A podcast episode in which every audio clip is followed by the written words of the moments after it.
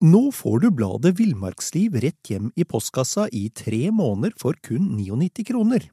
I Villmarksliv kan du lese om norsk natur, ærlige tester av klær og utstyr, og mange gode turtips skrevet av erfarne friluftsfolk, fiskere og jegere. Send SMS VILL36 til 2205 og motta bladet allerede neste uke. Lev livet villere med bladet Villmarksliv. Planning for your next trip? Elevate your travel style with Quince. Quince has all the jet setting essentials you'll want for your next getaway, like European linen, premium luggage options, buttery soft Italian leather bags, and so much more. And it's all priced at 50 to 80% less than similar brands. Plus, Quince only works with factories that use safe and ethical manufacturing practices. Pack your bags with high-quality essentials you'll be wearing for vacations to come with Quince. Go to quince.com slash trip for free shipping and 365-day returns.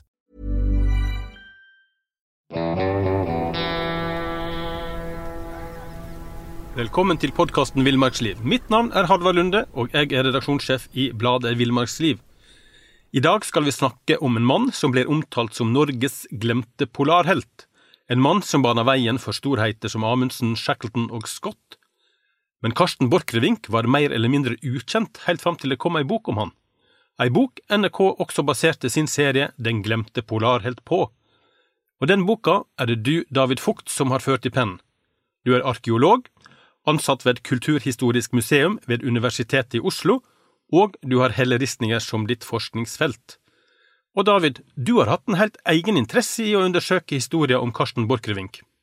Det har jeg, øh, fordi jeg har øh, en øh, oldefar som ligger begravet på, på, eller i Antarktis.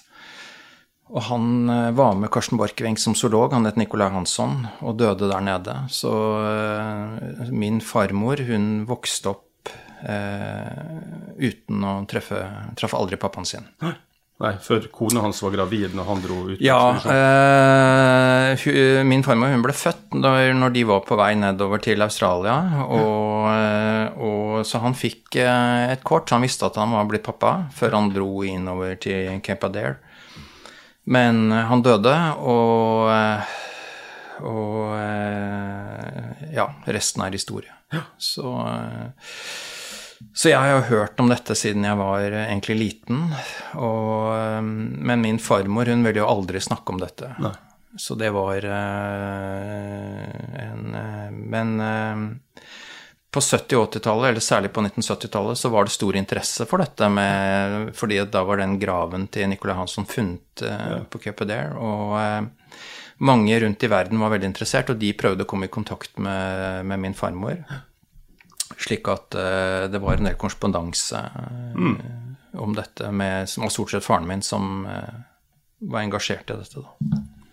Vi skal få, få mer om, om, din oldefar litt seinere, men i dag skal vi altså snakke om Karsten Borchgrevink. Og det var vel ikke mye i hans tidligere år som, som indikerte at han skulle bli en polarhelt? Nei, han, eh, han vokste opp eh, i Kristiania i Oslo, ja. og i nærheten av Uranienborg, som en helt vanlig gutt i området der. Han var nok interessert i friluftsliv og litt jakt og sånn. Men etter hvert så, så kom han eh, Han fikk forstutdannelse i Tyskland. Og så etter hvert, så, som ung mann, så reiste han til Australia. Og øh, tror jeg nærmest dro litt sånn rundt på lykke og fromme. Mm. Og tok jobber her og der og drev litt landmåling og sånn. Men, øh, men Karsten Borchgrevink han var en, en, veldig interessert mann. Han var eh, språkmektig. og etter hvert så fikk han jobb som, som, lærer i en liten mm. by i Australia. Mm. Men han, han, blir jo kanskje beskrevet som en litt sånn rastløs type, da? Og, og altså, flytt, altså, du flytta til Australia i 1880-åra, og det kan jo tyde på at du hadde en viss sånn innboende utferdstrang, da. Så jeg, jeg tenker liksom Han, han jobba jo som, som du sa, statlig oppmålingsarbeid i Queensland og i New South Wales i Australia. Og så gikk han over til å jobbe som lærer i språk og naturfag i en by som heter Bowen Fells. Og så liksom derifra til å liksom være i London og få sponsa en fullt utrusta ekspedisjon til Antarktis er jo et ganske liksom langt hopp. Ja, det er det absolutt.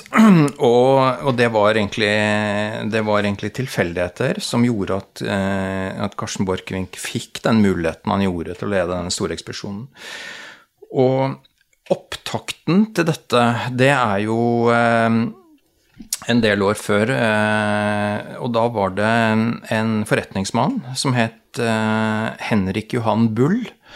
Han hadde bodd i Australia, og, og han var eh, interessert i å, å, prøve å komme i gang igjen med hvalfangst i, i, i, de sørlige områdene. Mm. Og han hadde lest eh, eh, reiseskildringen til sir James Clark Ross, som på 1840-tallet hadde vært på den e første og den eneste ekspedisjonen inn i dette berømte mm. Rosshavet. Og der hadde han sett at eh, det var veldig mye hval. Sel og hval. Så, så, Bull han tenkte det at dette måtte være en mulighet eh, til å drive kommersiell hvalfangst i dette havområdet. Så det som skjedde, var at han prøvde i mange mange år å, å reise en, eh, en, en, eh, sånn prøvefangst eller ekspedisjon inn i Rosshavet på nytt igjen. Og etter hvert så fikk han altså Sven Foyn i Tønsberg, som var en slektning av Bull. Han fikk han med på, på å finansiere denne ekspedisjonen. De kjøpte en selfangstskute, en liten selfangstskute.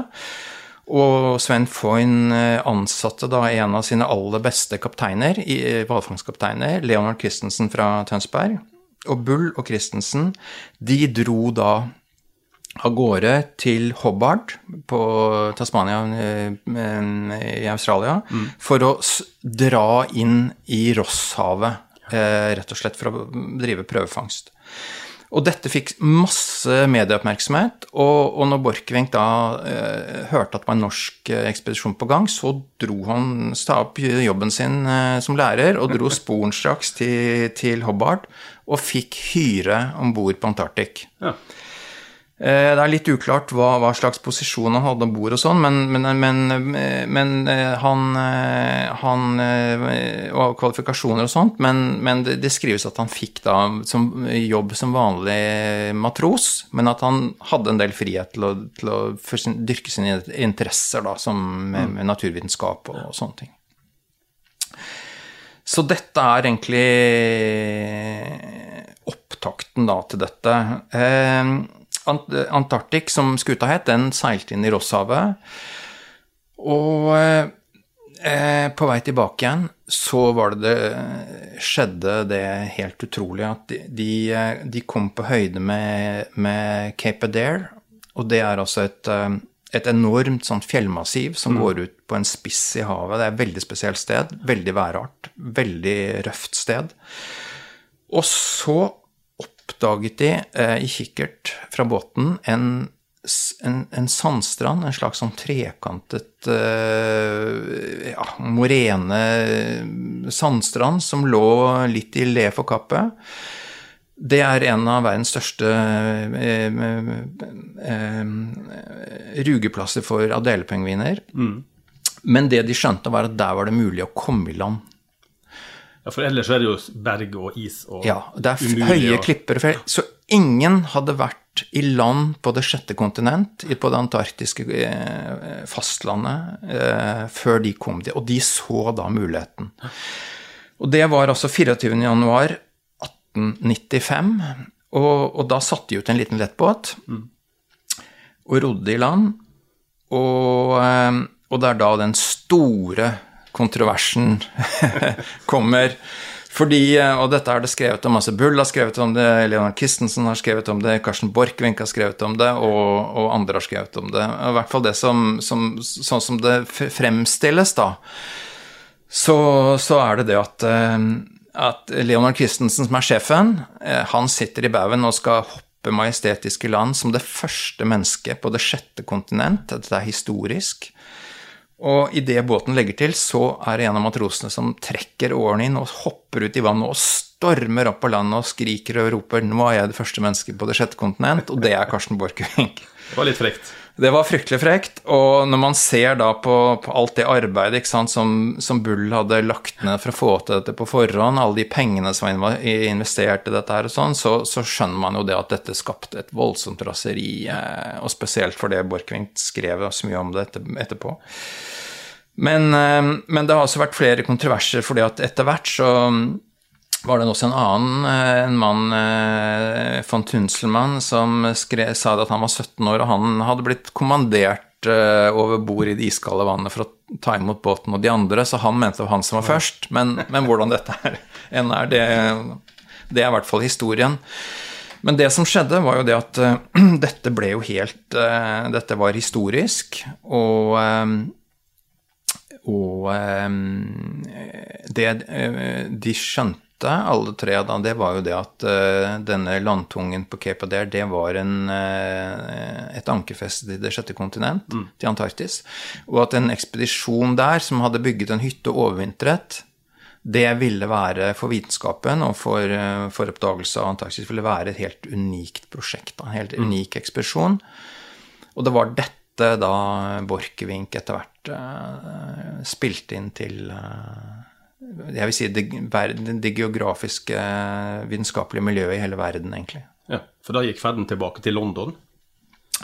Ja, så kom, eh, så kom Antarktik etter hvert i havn, og, og da Bull og Christensen de skulle da eh, seile skuta hjem. Men Borchgrevink han eh, fikk høre at det var en geografisk, stor geografisk konferanse, kongress som det het den gangen, i London. Han kastet seg, brukte sine siste penger, kastet på en damp et dampskip på vei til eh, London og klarte å komme frem på den aller siste dagen på den konferansen. Fikk taletid, som han sier, og, og der eh, holdt han et vanvittig foredrag om, om sine erfaringer i han fortalte like godt at han hadde ledet denne ekspedisjonen for Sven Foyn. Han hadde vært første menneske i land på det sjette kontinent etc., etc. og eh, agiterte sterkt for at um, at han eh, burde få penger til å lede en stor eh, ekspedisjon til, til Cape Adair og overvintre der nede.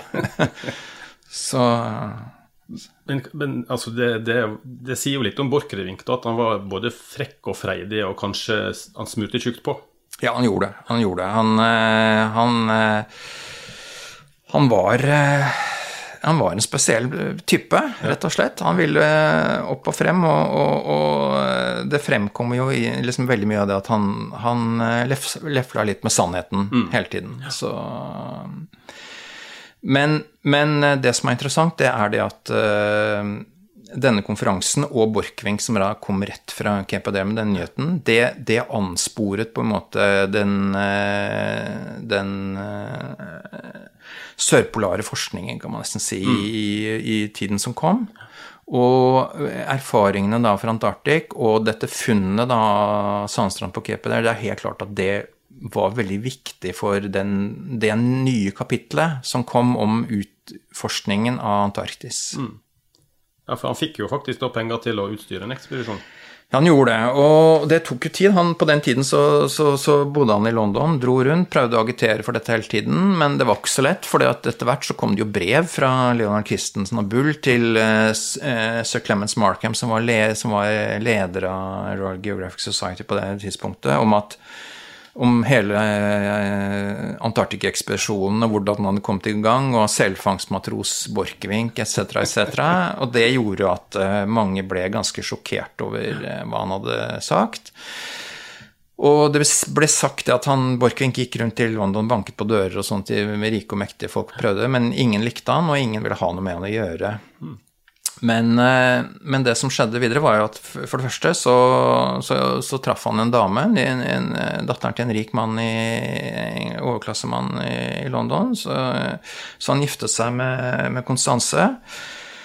Og etter hvert så må han ha laget en, en ganske god prosjektbeskrivelse, rett og slett, mm. på, på, en sånn ekspedisjon. Han hadde et prosjekt og gikk rundt og rundt og rundt og prøvde og prøvde, og prøvde hele tiden. Og til slutt så Eh, mirakel, på en mirakuløs måte så fikk han penger. Mm. Fantastisk. Og det var jo han, eh, en sånn eh, publisher eller utgiver, da, George Nunes, som, eh, som stilte opp med pengene. Ja. Og det i seg selv er veldig interessant, fordi at på den tiden så, så sir Clements Markham han, han, hadde i lang tid prøvd å få til en sånn ekspedisjon til, til Antarktis, men han ville ha Royal Navy, marinen, og han ville ha mye penger. Det var, Å få til en sånn ekspedisjon var ekstremt kostnad, mm. kost, uh, ekstremt dyrt. og han hadde holdt på med dette lenge uten å skaffe de nødvendige midlene. Mm. Men det er veldig interessant det med at det var, eh, at det var Nguyen som, eh, som, kom opp med pengene. Og han, han, var jo en, eh, på den tiden en Han drev et, et stort forlagshus. Han var meget velholdende, og gjort det veldig bra. Og, og en av de, en av de tingene han ga ut som, som, som uh, solgte best, det var da dette her uh, The Strand Magazine, som mm. var liksom, Det var på en måte de første ukebladene eller månedsbladene ja. som kom, og det, det, tok helt av. Og det var annet der uh, Arthur Conn Doyles Sherlock Holmes først ble trykket. Og det gjorde at det ble en, enormt populært.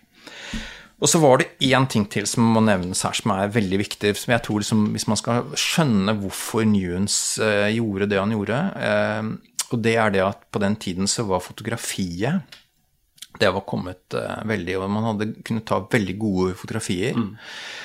Og det Newens nok tenkte, var det at uh, en sånn ekspedisjon som overvintret i Antarktis, så kunne komme opp med hundrevis av nye, helt unike bilder. Mm. Eh, som kunne publiseres i magasinene hans og bøker, at det ville være et enormt kommersielt potensial. Mm.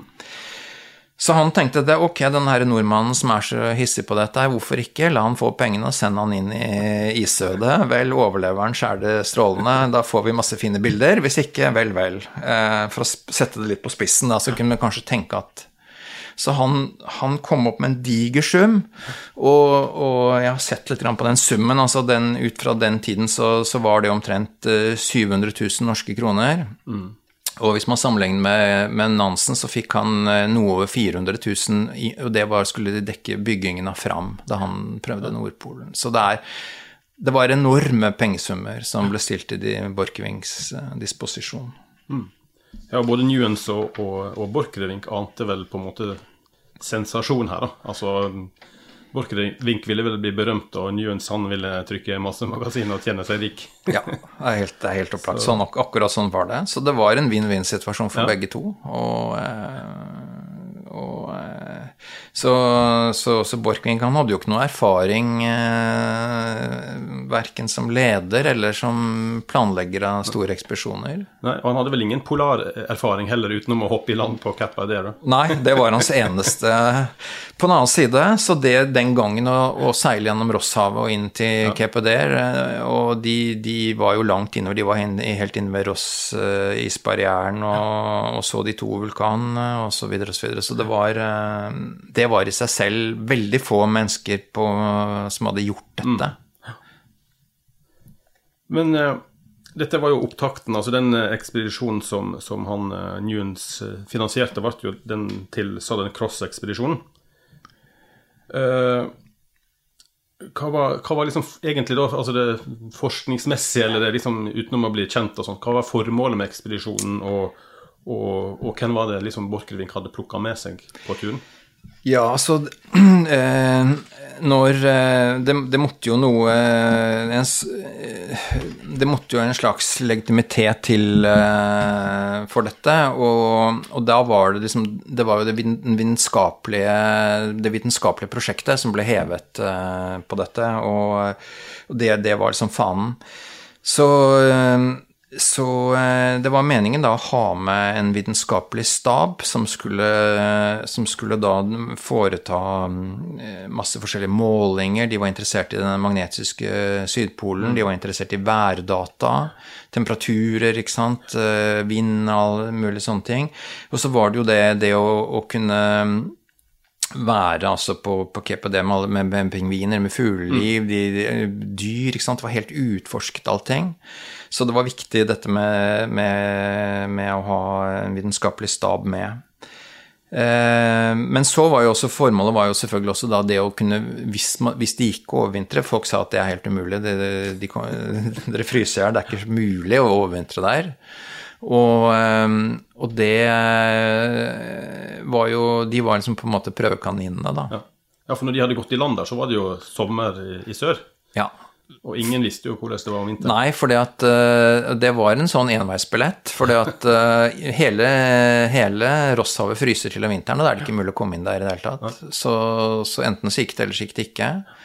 Og, eh, men det som var et av poengene, hvis det gikk overvintret, så ville det åpne opp for enorme muligheter i, i neste fase, da, som var å nå innover og nå Sydpolen. Fordi at eh, det er en veldig kort tid på året som, som eh, Rosshavet, isbeltene utenfor Rosshavet, er forserbare. Så, men, men sesongen for, eh, for ekspedisjoner og sånn er mye lenger. Så, så hvis du kunne overvintre der nede, og med en gang våren kom, så kunne du dra på disse lange ekspedisjonene. Så, så det var tanken. Så var det da Han eh, måtte sette sammen da en stor vitenskapelig stab, da som skulle være med. Og først hadde han valgt ut nordmenn, men det godtok ikke sir George Newens. Han ville ha, han ville ha internasjonalt forskerteam. Så det har også vært litt sånn i ettertid eh, hvem Borchgrevink egentlig tok med seg da. Og, men det at hvis man ser litt på Det var tradisjon på sånne engelske ekspedisjoner at det skulle være eh, virkelig eh, topp kvalifiserte vitenskapsmenn. Og det det var jo Det hadde jo lang tradisjon for. eh, Så Charles Darwin er jo et eksempel. Ja. så, men Borchgrevink han, han satte sammen eh, Tok litt forskjellige folk. Ingen spesielt kjente. Alle var yngre enn han selv. Litt sånn halvstuderte noen av de, og, og sånn. Og, og, og det, var, den, det var liksom de han skulle ha med seg i land, da. Så eh, Skal, vi si litt om den enkelte, eller som var med? Hvis du har det for deg? Ja, jeg kan godt ta, ta litt grann, eh, på det. Altså, for det at han eh, Louis Bernacki han hadde vokst opp på, på Tasmania i Australia. Og han hadde utdannelse eh, som eh, Som eh, Ja, hadde en, en, en vitenskapelig Så han skulle lede dette med, med, med disse med magnetiske observasjonene og alt sånne ting. Eh, Så var det min oldefar, da, Nicolai Hansson. Han ble ansatt som zoolog. Han var vel eh, egentlig ikke Han var mer preparant, så, men han ble ansatt som zoolog.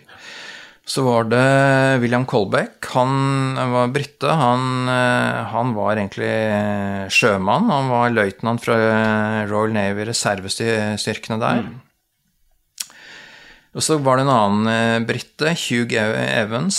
Eh, han eh, skulle vel egentlig Ja, hvorfor han ble valgt? Han var vel en, en, en fyr Borchgrevink likte. Jeg, jeg vet det rett og slett ikke. Likeledes med Anton Fogner. Han var norsk. Han skulle også være altmuligmann. Og så var det eh, Kolbein Ellefsen som var kokk. Eh, og så I tillegg da, så, så gjorde Borchgrevink noe som egentlig var veldig smart, og det var at han tok med to eh, veldig unge samegutter. Per Savio og Ole Most. Eh, de var egentlig Grunnen til at de var tatt med, var fordi at de gjorde det så skarpt på konfirmasjonsundervisningen. Og i tillegg så var de altså De, de var slede- og sledekjørere for eh, Andreas Wessel, som var uh, distriktslege i Finnmark. eh, distriktslege i Finnmark. Han var gift med Elisif Wessel, som er kjent som fotograf. Og, og de, eh, de kom med og, og var veldig nyttige, for å si det sånn. De, de kunne dette med is og kulde. og- Mm. Og, og hund. Og hund, ja, det, deres viktigste oppgave var å passe hundene. Ja, for de hadde med uselig uselig mengde med, med, Ja. med hunder, altså. Ja, de hadde det, og, og altså Borchgrevink En av de tingene som sto igjen etterpå, var jo det at han hadde tatt med hunder eh, til Antarktis. De hadde tatt gjennom stillebeltet på seilbåt helt helt frem, og det var jo noe Roald Amundsen merket seg. Så Ja, for det var frykt for at de ikke tålte varmen, rett og slett. ja, ja, ja, det var det. Ja, men det gikk jo veldig bra. Det gikk bra. Var det, så. jeg tror det var 85 hunder. Ja, det kan stemme det. Og de blir jo flere og flere etter hvert. så.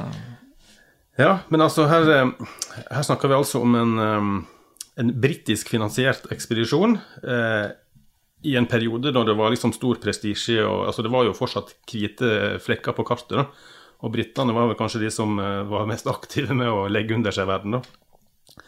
Og, og det britiske liksom, veldet var vel fortsatt på vei opp mot storhetstida si. Og så har du altså en britisk finansiert ekspedisjon bemanna med nordmann, inkludert to samer og, og 80-90 hunder. Så, så det, det, er jo litt sånn Komboen her høres jo litt sånn eksplosiv ut, da. Og det er selvfølgelig lett å være etterpåklok, men Ja, det, det var eh, Altså, dette var jo pionervirksomhet på mange måter. Så, så det å, å, liksom stue en sånn gjeng som det der sammen eh, i en bitte liten hytte nede på Cape Dare gjennom polarmørket så det, det, var selvfølgelig enormt krevende. Ja. Og, eh, og, jeg tror nok det at eh, Altså, for de fleste briter nettene det med det med, det med polarmørket, ikke sant, og hva man egentlig skulle få hva, man, hva som ventet de der nede på en sånn overvintring, det, det, tror jeg var eh, De var veldig uforberedt, tror jeg, på det. Mm. Og, og, det ble jo også utgangspunktet at altså, det var en stor britisk ekspedisjon under, under Union Jack, eh, mm. ledet av en nordmann med, med, en blanding av, av norske og, og samer, eh, briter, eh, australienere. så, så det, ble, det ble vanskeligheter. Ja, for det var et konflikt alt på båten? eller? Ja, det, det, det, ble, det ble betydelige konflikter. Og, og Borchgrevink altså, han hadde jo ingen som helst ledererfaring. Eh, og han, eh, han, var jo en pompøs person som, som gikk liksom høyt på banen som, som store sjef sjefen og, og, så jo på seg selv nå som, som den, det store navnet nå i Kommende navn i, i mm. polarforskningen. Og, og, det ville jo selvfølgelig blitt under normale omstendigheter, men, eh, men, eh, men det ble mange problemer. Det ble usedvanlig mange konflikter, og de satt nede på den der hytta. ikke sant? Det var en trang, liten hytte, og der satt de der folka tett oppå hverandre, og, og, og, det ble dårligere og dårligere og dårligere stemning, og, og Borchgrevink eh, helte, i hvert fall sånn det ble beskrevet, han helte på en måte mer og mer og mer bensin på bollet. Ja. Så det ble veldig, veldig, det er en helt utholdelig forhold. Det ble jo tatt valg på vei ned der. De kjørte seg jo nesten fast i isen og, eh, på vei ned. da. Ja, eh, så ble det tatt uh, I ettertid, da når man ser dette litt tilbake, så var det mange uheldige ting som skjedde. Og en av de tingene var at Borchgrevink kan ville ta en litt annen rute inn enn det både Ross i sin tid hadde gjort, og som Leonard Christensen Bulle også hadde gjort. Han, de hadde tatt på en måte den rake veien inn. Han ville ta en litt annen rute inn. Og det gjorde at de kom inn i et område med veldig mye is, så de ble liggende der veldig lenge, og de hadde masse problemer. Eh, og, eh, så det gjorde at de ble forsinket. Så når de kom frem til, til stranda på Cape Adair, så var det liksom bare å losse da mot uh, Southern Cross tilbake igjen gjennom isen så fort som mulig. Mm. Så det gjorde at uh, Og den langgangen var jo litt dramatisk, for det blåste vel opp, så hele skipet holdt vel på å ja. forsvinne for henne? Ja. Nei, altså, den Den uh, stranda og hele Robertson-bukta og Cape Dare. Altså, jeg har jo vært der selv. Det, er et, eh, det er et helt ekstremt sted. Man skjønner egentlig ikke hvor, eh, hvor jævlig det er der før man, man, ser det selv. Kan du beskrive området, liksom lukten og lydene? Ja, så det er jo, det er jo den eh, store pingvinkolonien da, som dominerer hele tiden. Og det er jo, det er jo tusenvis av års med guano som er bygget opp der, så det lukter jo veldig sterkt sånn ammoniakkaktig guano. Det er ikke noe vegetasjon, det er jo ikke, det er ikke lav, det er ingenting. Det er et helt sånt månelandskap. Det er som på en annen planet, bortsett fra den der guanoen. Mm.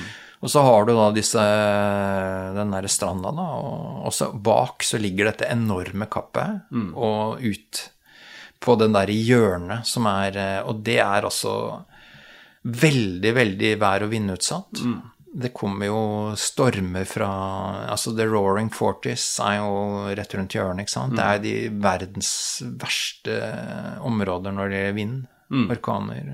Så, så, der, så, de opplevde en orkan der nede. Det var jo så vidt de ikke mistet skipet. Ja. Så, så det, var, det, var, forferdelig dramatisk. Og, og de, de pingvinene, det er liksom ikke bare 100 eller 1000, det er vel 10 000 nesten? ja, det er vel 250 000, tror jeg, om det er eh, par eller om det er eh, enkelt, det er jeg ikke helt sikker på. Men det er enorme mengder av delepingviner. Og de kom ut der for å passe, legge egg og passe Ja. på det, for å si Ja, det sånn, ja, og, de- og spise. Ja, de kommer inn fra isen og hekker der, og så, så lukker isen seg igjen, og da drar de utover i Ja, Ja, for de følger egentlig iskanten. ja, de, det altså. er det de gjør. Så, Det var litt fascinerende det at de, de væra jo stormen, så de la seg jo ned i vindretninga. Ja, det- Forkant, det var jo veldig spesielt. ja, det er veldig, det er veldig pussig det der, altså, fordi at Borchgrevink skriver jo mye om det i sin bok, hvordan de kunne med en gang de så alle pingvinene la seg ned med, med nebbet mot en vindretning, da skjønte de med en gang, ops, nå kommer det en storm eller en orkan. Ja. Så da er det bare å komme seg i hus og, og sånn.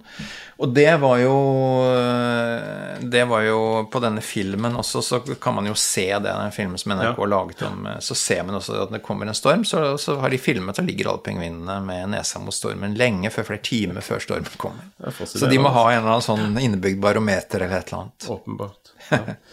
Men de, de er altså på stranda, og de har lossa båten og sånt. Hva, det, hva de har med seg, liksom? Nei, altså, de måtte jo ha med alt, ikke sant. De, de, de skulle bo der nede et år, overvintre. De måtte ha med proviant, de måtte ha med brensel, de måtte ha med utstyr, alt de trengte. Og, og de hadde det viktigste var den der hytta da fra, fra Strømmen trevarefabrikk. Den var eh, laget i moduler med pappmasjé som isolasjon. Og den fikk de satt opp, da, og, og den var ikke så veldig stor, var passe stor. Og, og de funderte den på, der, på stranden der, da, og for at den ikke skulle blåse av, så, så måtte de ta et svært skipsanker i hvert hjørne, og så strakk eh, sånne vaiere fra hjørnene. Og, og det holdt, men, eh, men de sier at liksom når de virkelige stormkastene utover vinteren tok tak, så var det sånn at liksom hytta som hang og, og stanga litt i de der vaierne og ankerne, da. Så det var, eh, det var ekstremt barskt, altså. Fikk de gjort noe liksom den første tida når de var i land? Altså, da var det jo fortsatt sommer og mulighet til å på en måte være, være utendørs. Ja da, de, de begynte med en gang de fikk installert seg og sånn, så begynte de, prøvde de å dra litt på, på, på sledeturer. Det var jo det som var meningen å utforske. Så, så de, men, men det var veldig de, måtte ut på, Det var veldig bratt overalt, så det var ikke så lett å reise med hundesleder, så de måtte ut på isen. Og der eh, fikk de seg en overraskelse, for de dro innover denne Robertsen-bukta. Da, da eh, plutselig så brøt isen opp. Ja. Så, så de måtte søke i land, da, og da, der var det jo bratt, ikke sant? Så når isen bratt, brakk opp, så måtte de redde seg i land. Og, og der satt de, ikke sant, på en hylle, da. og og eh, så måtte de prøve å komme seg tilbake igjen, og da, det var veldig dramatisk. Det var jo så vidt det gikk, og da var det jo Per Savio som klarte å redde dem. da. Han, eh, han tok tauet og bare løp bortover med fare for eget liv og klarte å redde seg i land. Ja. Så- Og fikk dratt opp de andre. Så, og så til slutt så kom de tilbake til hytta. Etter, ja, for de satt jo et par døgn på den hylla. de gjorde det. Og det var eh, Og de mistet jo hunder og greier. Og en av hundene, da, den det var litt spesielt, for den, den satt på et isflak og forsvant ut i stormen. Ja. Så gikk det noen måneder, og så utpå vinteren en gang så kom hunden tilbake til hytta. Utrolig. Så den hadde da blitt med langt utover isen og ut i iskanten og hadde sittet der ute og, og knasket pingviner. Og var tykk og god og kom tilbake strålende fornøyd. Så, så det er Nå får du bladet Villmarksliv rett hjem i postkassa i tre måneder for kun 99 kroner.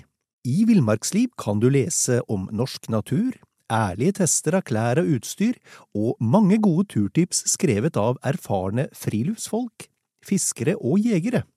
Send SMS VILL36 til 2205 og motta bladet allerede neste uke. Lev livet villere med bladet Villmarksliv.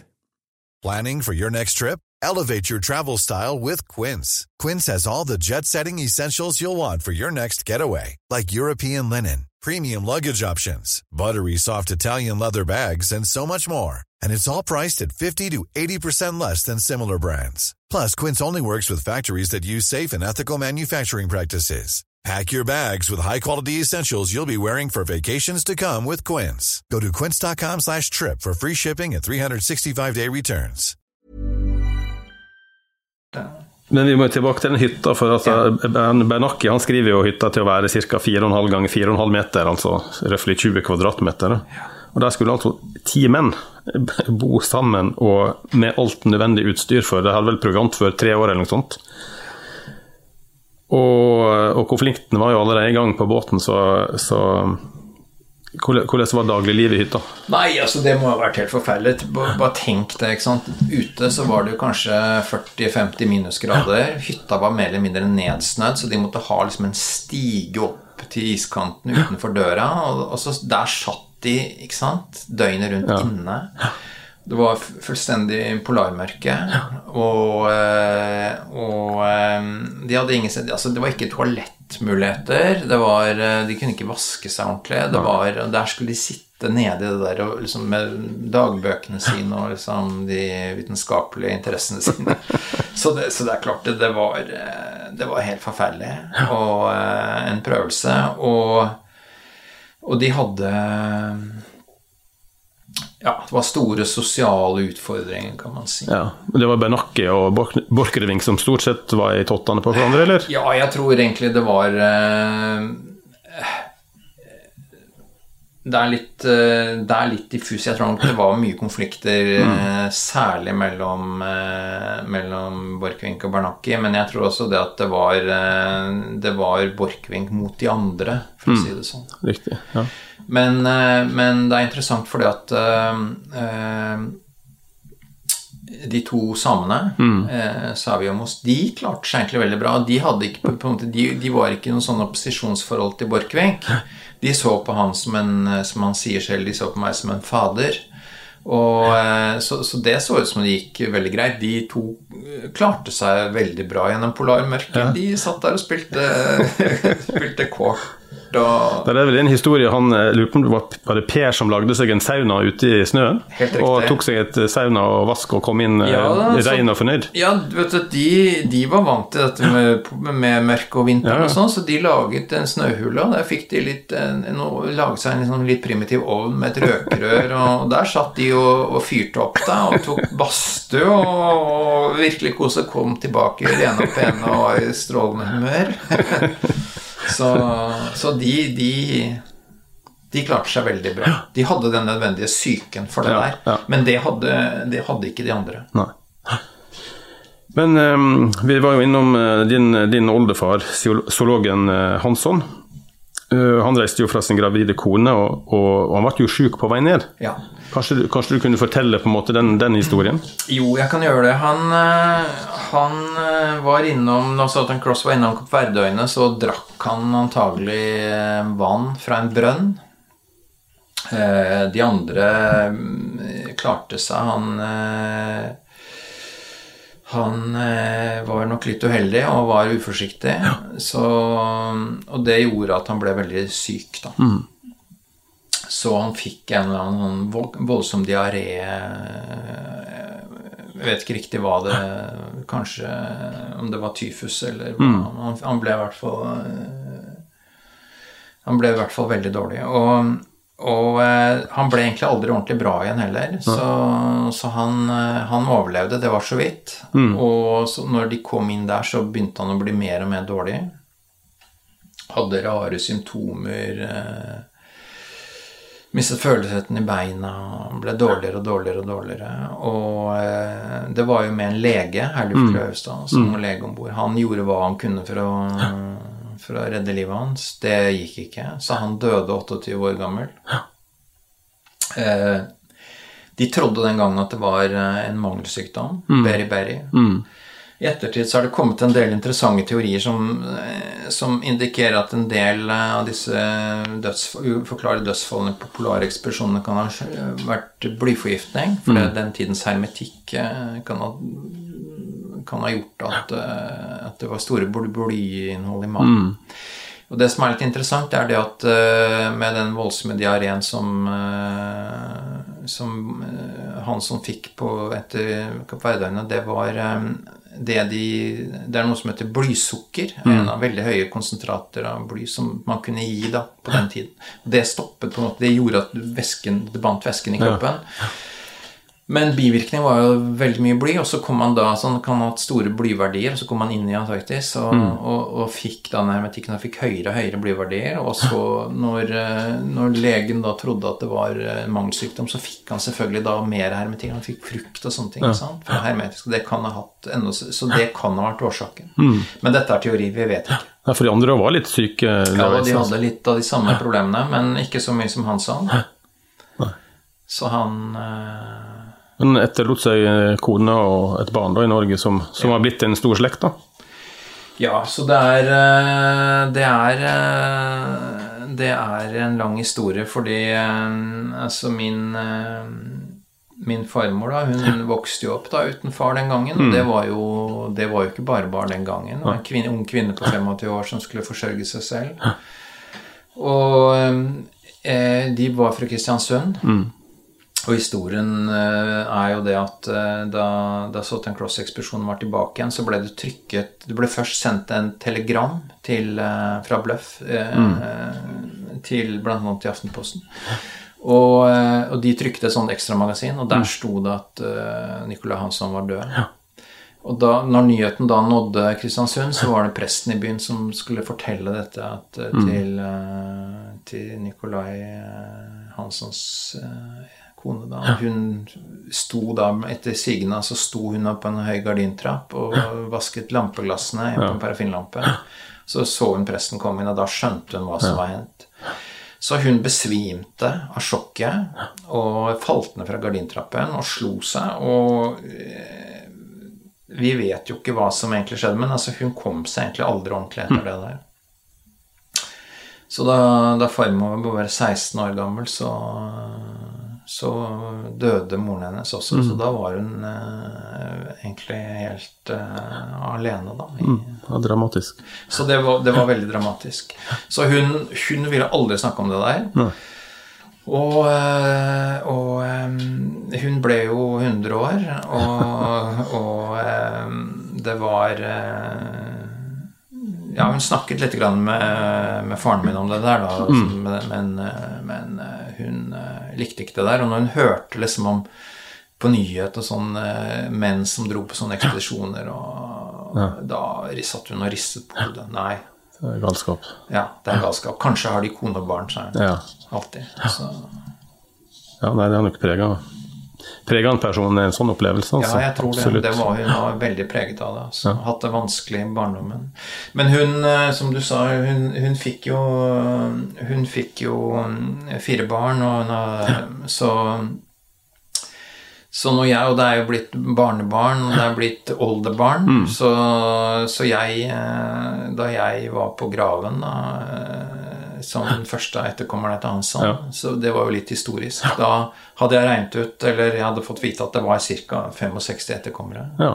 Så det var litt spesielt. Det må jo ha vært en fantastisk opplevelse å finne igjen den grava, da, for det var jo ikke gitt at dere skulle få til.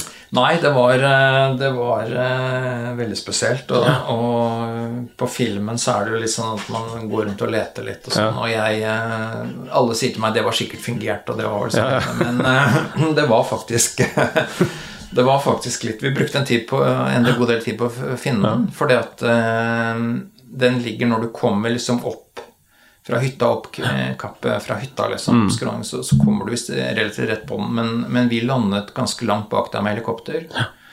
Og da måtte vi gå ned, så, så det var litt plundrete å finne den. Men uh, vi hadde eh, Tom Edvinsen, han hadde med GPS-koordinater og sånn. Så, okay. så vi, vi fant den til slutt, men det var, det var litt jobb. Ja. Og det var veldig spesielt der. Men um, tilbake til, til, til hytta og, og de ti mennene der. Altså Mørketida går jo mot slutten, og, og da blir det litt mer sånn action, og de får, eh, får kommet seg litt ut igjen. Og de begynner å utforske nærområdet. og Hva, hva fant de egentlig ut? Nei, altså eh, de, Det var jo den der eh, Ro- Robertsen-bukten som heter, som er innover, og det er jo svært område. Og, og så de, eh, de prøvde jo da å, å dra på lange sledeferder i området der for å utforske, og det var særlig der som dette med den magnetiske sydpolor, den kunne være, noe fremkommeligheten videre. Men, eh, men, det som viste seg etter hvert, var jo det at, eh, at Cape Adair det er et bakevje. Det er ikke det rette stedet for, eh, for større sledeekspedisjoner inn, mm. inn på kontinentet. Det er veldig mye store breområder rundt hele der. Veldig ufremkommelige. Høye fjell osv. Så, videre, og så, videre. så Så de hadde egentlig de hadde egentlig betydelige problemer da, med, med å oppnå de målene som liksom Borchgrevink hadde satt seg. Mm. Kanskje ta den magnetiske sydpol og sånn. Så, ja. så, så, det stengte en del. Men, eh, men, altså, de fikk jo samlet inn store mengder med, med vitenskapelige data. De fisket. De fikk mm. jo da eh, ja, en del sånn marine arter. Mm. Eh, fugler, pingviner oldefar samla veldig mye materiale, men en del av de notatene og materialet forsvant jo på mystisk vis. da. Ja, eh, så det, det, som var Det var jo også en av de store kontroversene da med, ja. med Sotokrossekspedisjonen. Det var jo at min oldefar hadde jo Han var jo ekstremt interessert i fugler og, mm. og sånn, og, og, og, han hadde jo lagt mye, mye Det hele livsverket hans var lagt ned i dette med, med pingviner, og, mm. og, han hadde tatt masse, masse, masse notater. Og han hadde jo laget sånne preparater som, som, som, var nummerert, og så var det jo lister, ikke sant, alt ja. dette. Og det, det eh, eh, ble skjødesløst behandlet av Karsten Borchgrevink i ettertid. Ja. Og i en artikkel så mange år senere så skrev Hugh Evans at han mente at, uh, at Borchgrevink uh, hadde ødelagt det intensjonelt. For på, på en måte han, han, var liksom den ledertypen som som uh, ville fremheve seg selv mm. og, og, på en måte gjøre andre ubetydelige, da. Ja. Og, og, så det var i hvert fall disse notatene var mer eller mindre borte, og, det hadde jo vært en stor vitenskapelig verdi. Og, om det var sant at Borchgrevink eh, Det er litt uklart, men, men, men altså, det ble jo en voldsom eh, diskusjon i pressen om dette mm. i ettertid. Og da sa Borchgrevink ganske ganske usmakelig, for han sa det at uh, han hadde ikke lagt notatene til Hansson noe vekt på det, fordi han sa at de var skrevet på, på sanitary paper, altså toalettpapir. Han hadde ikke skjønt det at uh, på den tiden så brukte man sånn tynt silkepapir som man skrev på, som skulle ikke ta så stor plass. Og, så i hvert fall det var borte, og Borchgrevink satt igjen med uh, betydelig del av ansvaret. Mm.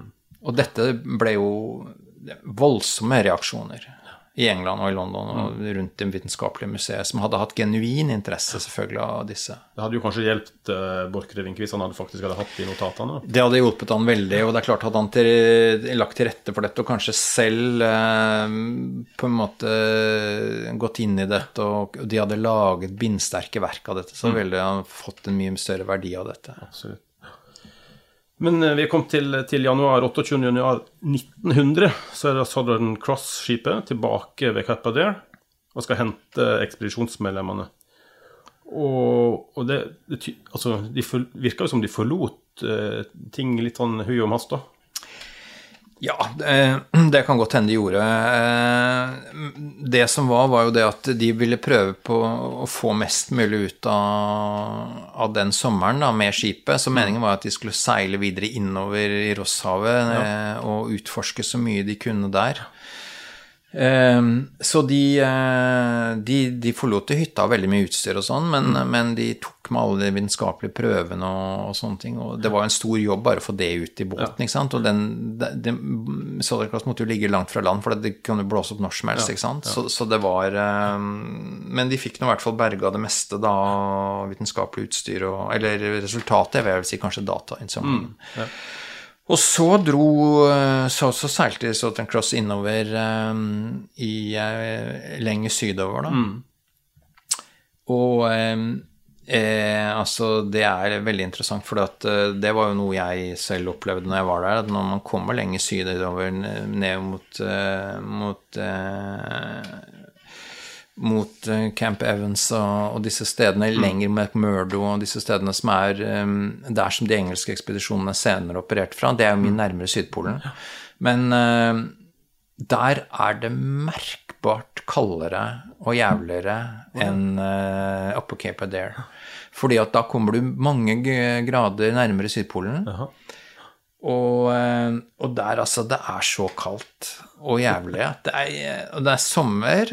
eh, Vi var jo på en sånn eh, Vi var i land på Scotts eh, base, der han dro fra. Og altså, dette var omtrent midtsommer da jeg var der, og jeg eh, Vi var i en, gummibåt hvor vi eh, kjørte vel noen hundre meter. I, det var vind, det blåste. Jeg har aldri vært så kald. Jeg har aldri hatt på meg mer klær. Jeg har aldri vært så kald i hele mitt liv. Det var helt forferdelig. Så, eh, så det var Og det er helt ekstremt, altså. Men i hvert fall så, så kom de da ned, og de fikk sett disse her berømte vulkanene, da. eh, Terror og Erebus, som er oppkalt etter Ross, eh, ekspedisjonsfartøyene til Ross. Og, og da er det de kommer til denne store isbarrieren.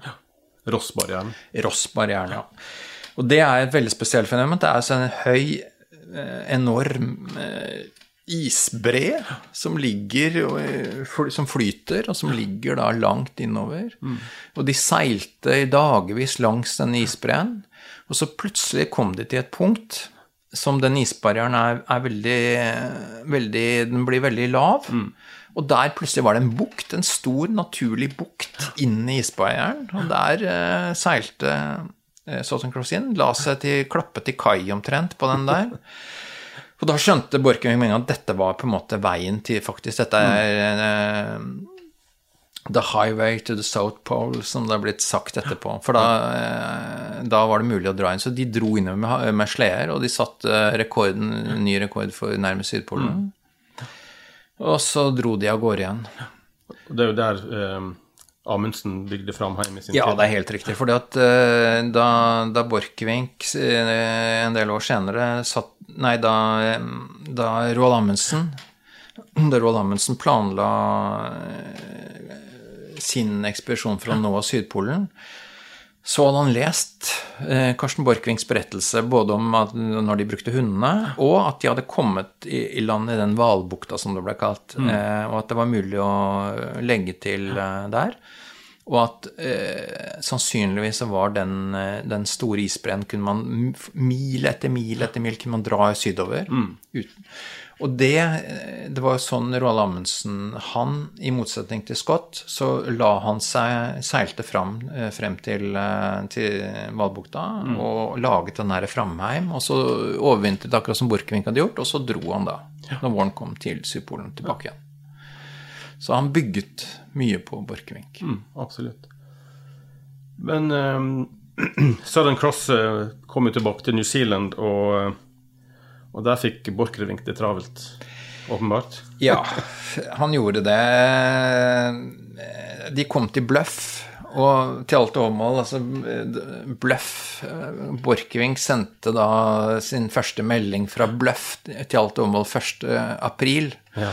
Så, så han Og det kom en veldig kryptisk melding som, eh, som det sto at, eh, at liksom ekspedisjonens formål eh, var løst, liksom. Og det var jo langt fra sant, for de hadde sagt at de skulle prøve å nå Sydpolen. De skulle finne magnetiske pol, etc., etc. Så det, og det var jo langt fra sannheten. Så det ble misforståelse med en gang, og så dermed så ble det jo selvfølgelig en veldig nedtur når, når liksom det, det, det Men i hvert fall så, så uh, tok da Borchgrevink Han tok uh, første dampbåt Igjen. hjem. Ja, igjen. Så tok han Mens de andre fikk lov til en mer sånn annenklasses Men han tok Han og, og Konstanse kona, hadde kommet til Australia, så Eller til New Zealand, så Nei, til Australia, mener jeg. Ja, Ja. For de dro dit. Men i hvert fall så, så han kom kom seg sporenstraks eh, tilbake til eh, Han skulle Først- høste, heder og ære. Ja, først til, til Hobart, og, og så til eh, Til eh, Videre til London. Så det, det var litt morsomt, for det, da jeg var i Bløff, så viste seg jo det Det var en veldig sånn sliten, litt rar, eh, gammel havneby som, eh, som lå veldig strategisk til for Antarktis. Men hotellet som Borchgrevink bodde på, det sto der faktisk ennå. Men det var, eh, det var forlatt, og det var en, egentlig en, en rønne, da. Jaha. Eh, og eh, så hadde det vært jordskjelv der nede, så det var litt sånn Men vi fikk nå i hvert fall tillatelse og fikk tak i han som eide det, så vi gikk rundt i gangene der, og det var litt spesielt, for det var der Borchgrevink kom, og det var der han tok dette badet. Endelig han fikk bade etter et år i Og da banker det på døra, da, og så er det en avis som viser at, forteller at kona hans er kommet til, eh, til Hobart. Så det var Det var veldig spesielt. ja. Fantastisk. Men altså Så kom han jo seg til London, men, og der forventa han sikkert både kjendisstatus og berømmelse og penger og, og alt som fulgte med. Ja. Men, men det, slik ble det jo ikke. Nei, det, det var veldig Han fikk jo en fantastisk uh, mottakelse i Hobart, men uh, når han kom til England, så var det veldig lunkent, mm. det hele. Fordi uh, Det er litt, egentlig litt rart, men Men jeg vil vel tro det sånn at de tenkte det at uh, vel, vel, det var kanskje ikke så ille allikevel, liksom. Mm. så, så akkurat hvorfor det, det er uh, det er, det er vanskelig å svare på, men i hvert fall så, så var det, det var noen som kom og møtte den på toget, men ikke noe den, den, Det hadde jo vært en veldig sånn Da han dro, da, så var det jo masse mennesker som han, han hadde forventet liksom, han kunne komme der som den store helten, ikke sant. Men, eh, men det, det ble det ikke. Og eh, det, det geografiske eh, selskapet Royal Geographic Society i England som, som var eh, De var veldig avmålt til han, veldig uinteressert egentlig i det han hadde oppnådd og, og sånn, så han fikk en kjølig mottagelse. Han gjorde det. Var det fordi han var norsk og, litt sånn at det Ja, jeg tror kan, kanskje var Det kan godt hende at det er liksom det at de ville dempe ned den derre store helte De ville ikke gi han den derre heltestatusen, egentlig. ja. Så men, men så, så kom han tilbake, og da skrev jo Borchgrevink den, den store boka si, som, som egentlig er veldig bra. Veldig bra skrevet, og eh, morsom bok og, og sånn. Og, og det ble jo publisert masse artikler i, med bilder og sånn, så, så jeg tror nok det at Newens fikk godt igjen for det. for ja, jeg tror han fikk det. Hva skjedde seinere med Borchgrevink, sånn resten av, resten av livet, på en måte?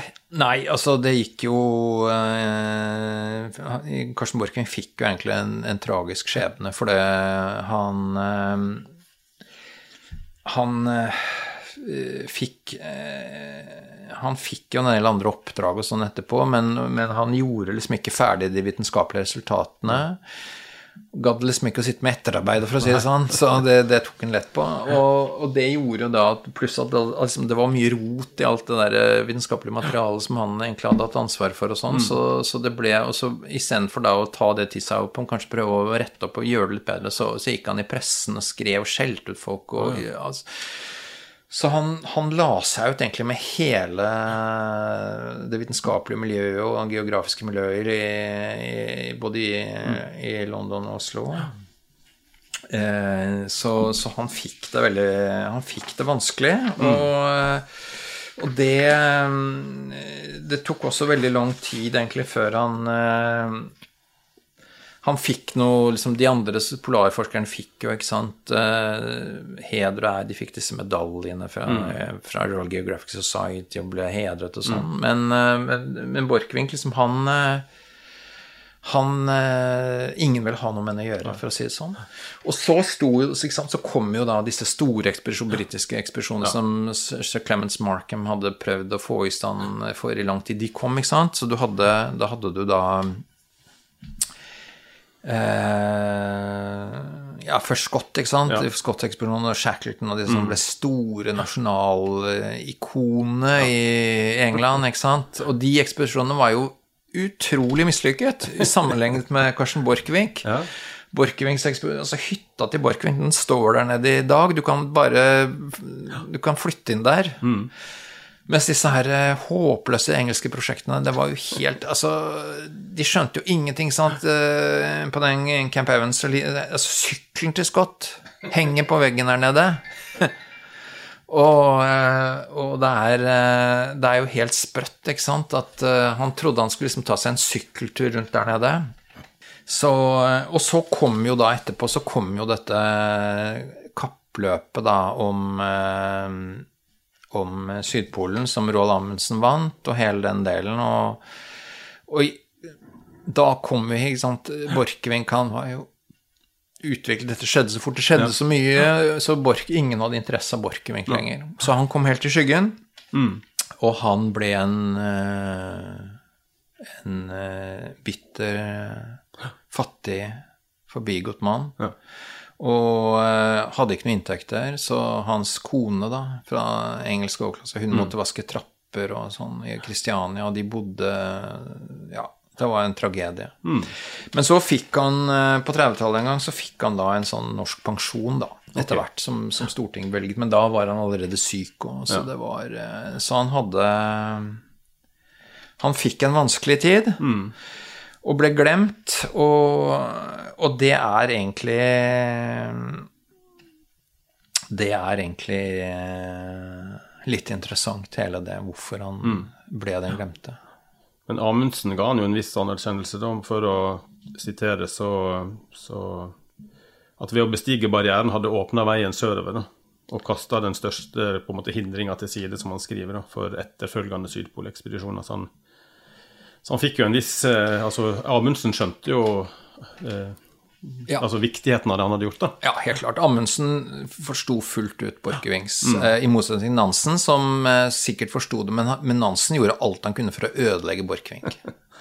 Og det han, Nansen satt som edderkoppen i, i nettet, ikke sant, og hadde masse mulighet og trakk i tråder og prøvde helt fra egentlig fra starten av, fra før Borchgrevink dro ut, så prøvde jo Nansen alt han kunne å ødelegge for Borchgrevink. Han ville ikke ha en konkurrent, selvfølgelig.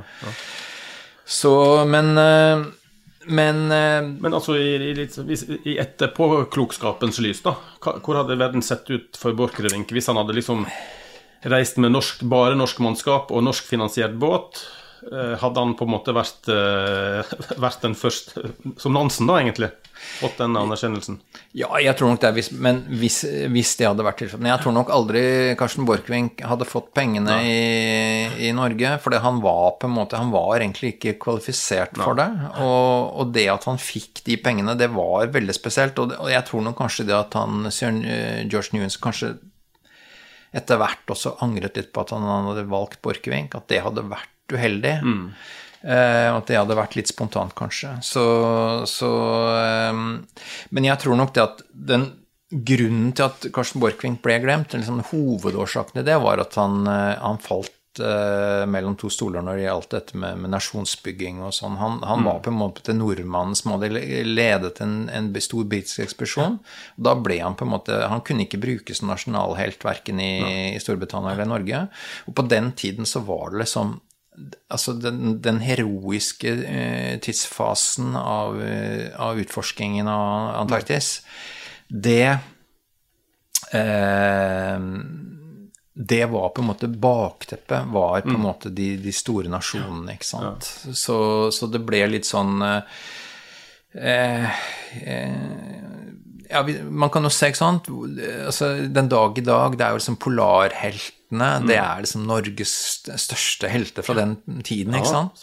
Så, så det er eh, så det, det er en av hovedårsakene, men, men jeg tror nok det at eh, hadde Karsten Borchgrevink ikke vært det store ego som han var, og hadde han vært mye smartere i eh, å ikke laget disse voldsomme konfliktene og, og, og alt det negative rundt det, og, og vært mye mer sånn eh, Vært en leder som på en måte hadde pekt på sine menn, ikke sant, og sagt at se hvor, hva disse har fått til, og sånn. Istedenfor så, så gjorde han det omvendt, da. Han, han var en sånn type leder som, som på en måte prøvde å heve seg selv ved å tråkke på de andre. Og det er klart at etter hvert så, så, så ble det på en måte alt det der eh, i sum, da alle disse bitte små tingene, det, det kom mer og mer og mer imot han, og til slutt så ble liksom Karsten Borching det var et navn som ingen ville ha noe med å gjøre. Ingen ville ha noe med han å gjøre. Han gikk inn i glemselen, og alle var fornøyd med det. Ja. Helt til du skrev en eh, en god bok. Ja, altså jeg syns jo Når jeg satte meg ned eh, og skrev om dette her i, i 2007, så var det jo ingen som hadde skrevet om det før i Norge. Det var veldig, veldig veldig lite. Det var bitte lite grann i, i, i, fagpre, i, i internasjonal fagpresse, men veldig lite. Og eh, så har det jo kommet mer og mer, da. Det ble jo NRK laget jo denne filmserien. Og, og i, i 2019 så, så ble Borchgrevink viet eh, jubileumsfrimerket. Mm. Norske ju, jubileumsfrimerket nummer 2000. Og, så jeg jeg, og det syns jeg egentlig nå i ettertiden, når vi ser tilbake nå, syns jeg det at Borchgrevink han han var en vanskelig person, men mm. du verden hva han fikk til. Og, og jeg syns han absolutt skal ha ære og berømmelse for det. Og når man ser altså, hvor dårlig de britiske ekspedisjonene var ledet i ettertid, så ser man det at uh, veldig, veldig mye av det Borchgrevink gjorde, var helt riktig. Og mm. han, de klarte seg gjennom. De mistet én mann i sykdom mm. eh, på overvintringen. Ellers så gikk ekspedisjonen veldig bra. De hadde kontroll Borchgrevink hadde kontrollen hele tiden på allting. Og, eh, og, eh, som pionerinnsats så var det veldig, veldig vellykket. Mm. Mm. Det at han hadde hunder med, det, det viste Det skjønte Amundsen mm. at det var den eneste måten å gjøre det på. Han, eh, han hadde vist at det var mulig å overvintre. Det var tøft, men det var mulig. Så, så jeg, jeg, selv om jeg har vært kritisk Jeg, jeg har vært kritisk i, i, i, min bok til Borchgrevink, fordi mm. at jeg Det har vært viktig på en måte å analysere hvorfor han ble den glemte mm. polarhelt. Historisk sett så har det vært viktig. Mm. Men, men, jeg har jo og, og, Altså personlig så tror jeg han var en Borchgrevink var en vanskelig person, men, men altså det, det som står ettermælet til kanskje Borchgrevink, det han faktisk fikk til, det er egentlig veldig stort. Kan vi si at uten Borchgrevink ingen Amundsen? Er det for tøft? det, det, er veldig mange som kan svare på dette mye bedre enn meg. Jeg er ingen eh, polarhistoriker eh, sånn sett, eh, så det, det, det, tror jeg skal overlate til andre. Men, men jeg tror nok det at det man ikke kommer unna, det er at både Antarktik-ekspedisjonen og senere da selvfølgelig Borchgrevink, mm. Borchgrevinks ekspedisjon, det var helt sentralt i å åpne opp eh, Antarktis. Både for, eh, for, vitenskapelige undersøkelser, men også for eh, det kappløpet som skjedde til Sydpolen. Mm. Og for å avslutte eller avrunde, så kan vi jo si at det fins jo en veldig god bok da, som du har skrevet, David Vogt, som heter 'Vår glemte polarhelt'. Og en NRK-serie med omtrent samme navn. Den glemte polarhelt. Ja, ja, og den ligger også ute på NRK-appen, så det er bare å søke opp på fantastisk historie. Nå får du bladet Villmarksliv rett hjem i postkassa i tre måneder for kun 99 kroner. I Villmarksliv kan du lese om norsk natur, ærlige tester av klær og utstyr, og mange gode turtips skrevet av erfarne friluftsfolk, fiskere og jegere. Send SMS VILL36 til 2205 og motta bladet allerede neste uke. Lev livet villere med bladet Villmarksliv. Mom deserves the best, and there's no better place to shop for Mother's Day than Whole Foods Market. They're your destination for unbeatable savings, from premium gifts to show-stopping flowers and irresistible desserts. Start by saving 33% with Prime on all body care and candles. Then get a 15-stem bunch of tulips for just $9.99 each with Prime. Round out Mom's menu with festive rosé, irresistible berry chantilly cake, and more special treats. Come celebrate Mother's Day at Whole Foods Market Imagine the softest sheets you've ever felt. Now imagine them getting even softer over time. That's what you'll feel with Bowl and Branch's organic cotton sheets. In a recent customer survey, 96% replied that Bowl and Branch sheets get softer with every wash. Start getting your best night's sleep in these sheets that get softer and softer for years to come. Try their sheets with a 30-night guarantee. Plus, get 15% off your first order at bowlandbranch.com. Code BUTTERY. Exclusions apply. See site for details. Da sier jeg takk for fantastisk, en fantastisk historie, David. Ja, selv takk.